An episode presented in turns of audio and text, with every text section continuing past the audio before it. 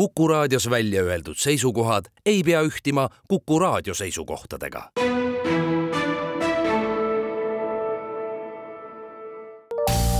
terviseks. Saadet toetab Lääne-Tallinna Keskhaigla, vaata ka keskhaigla.ee tere, head Kuku kuulajad, eetris on saade Terviseks ja me räägime täna enneaegsetest lastest. mina olen Ingela Virkus ja koos minuga on stuudios Lääne-Tallinna Keskhaigla vastsündinute osakonna ämmaemandusjuht Kadri Madar, tere! tere! seitsmeteistkümnendal novembril tähistatakse enneaegse sünnipäeva, mis päev see täpsemalt on, millele selle päevaga tähelepanu püütakse siis pöörata?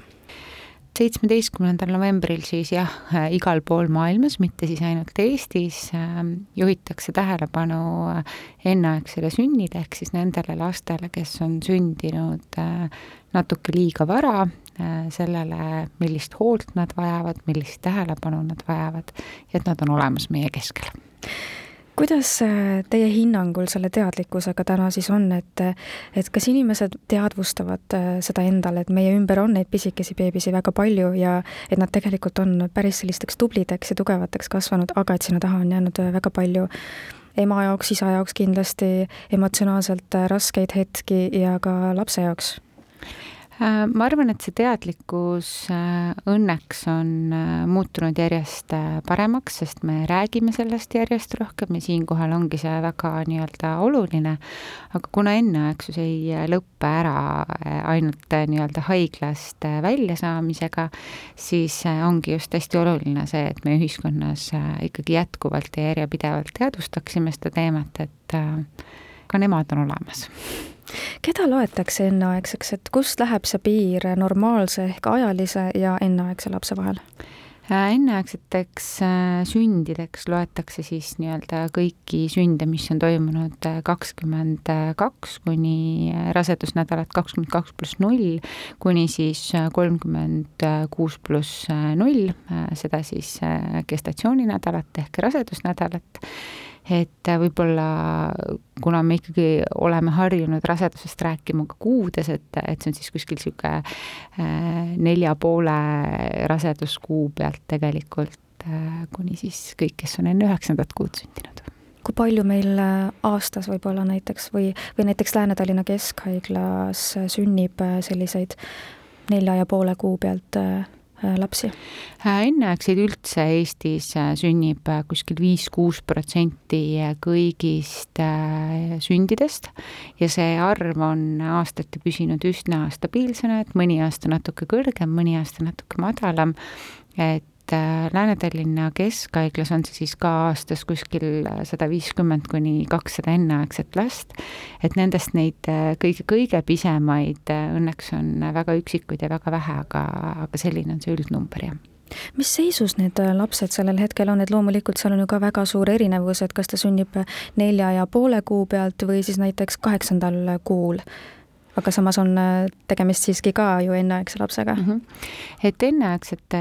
puhul jah, et äh, meil ei ole sellist asja nagu tavaline enneaegne, et äh, need lapsed võivad olla väga-väga erinevas seisus ja, ja mõni enneaegne tegelikult ei vajagi mingit erilist sellist tuge ja hoolt, et ta tahab lihtsalt võib-olla natuke kauem sellist jälgimist saada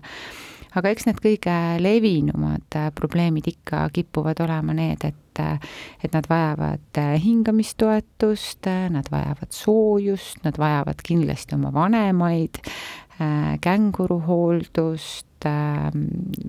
paljud neist kipuvad minema ka kollaseks, vajavad nad pilirubiiniravi, antibiootikumravi, et äh, hoolt ja tähelepanu nad kindlasti vajavad. mainisite känguruhooldust, et mida see tähendab? känguruhooldus äh, on siis selline spetsiaalne hooldusmeetod, kus siis äh, lapsega tehtavaid äh, raviprotseduure ja toiminguid tehakse selliselt, et ta on lapsevanemal siis nii-öelda nagu kaisus nahk-naha kontaktis ja üldiselt vastsündinute puhul me hästi palju rakendame seda känguruhooldust, et see mõjub hästi nende südametegevusele, nende üldisele arengule ja, ja on väga selline toetav. ma just tahtsingi küsida, et kuidas seda korraldatakse või kuidas seda tehakse, kui, kui see beebi on nii habras ja nii vastuvõtlik kõigele välisele, et ikkagi saaks hoida nii väikest ja habra,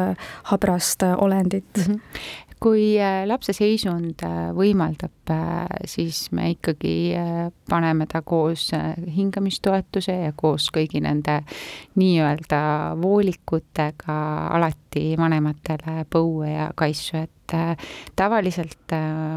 on see lapse jaoks vähem hirmutav kogemus kui vanema jaoks. et et äh, lapsevanemate hirm on arusaadav, aga kohe, kui neile selgitada, et näete, et tegelikult see mõjub teie lapsele nagu väga hästi ja teie oletegi oma lapse jaoks äh,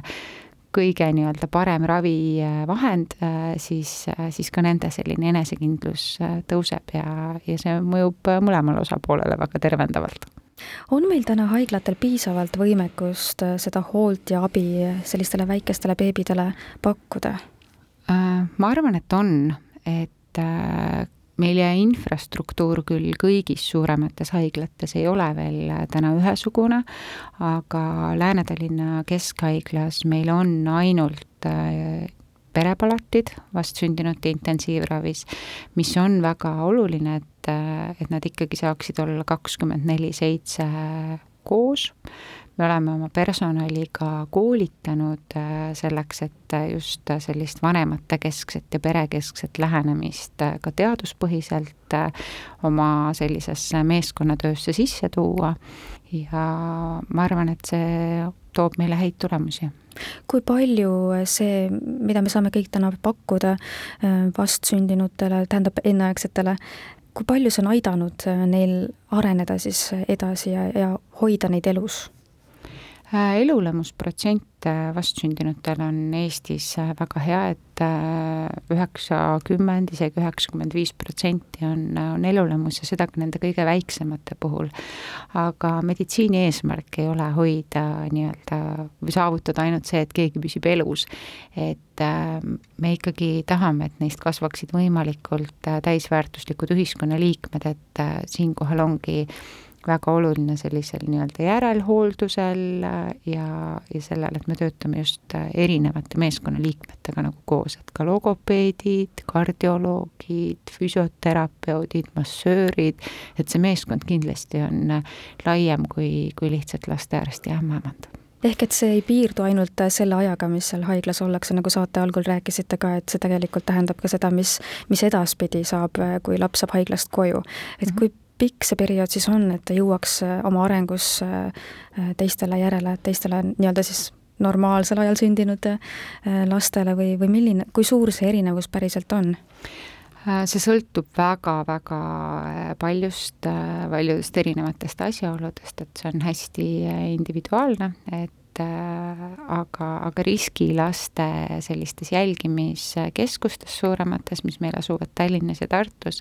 tehakse sellist järeljälgimist nendele lastele kahe aasta jooksul. me jätkame oma vestlust juba homme kell neliteist nelikümmend viis. terviseks saadet toetab Lääne-Tallinna Keskhaigla, vaata ka keskhaigla.ee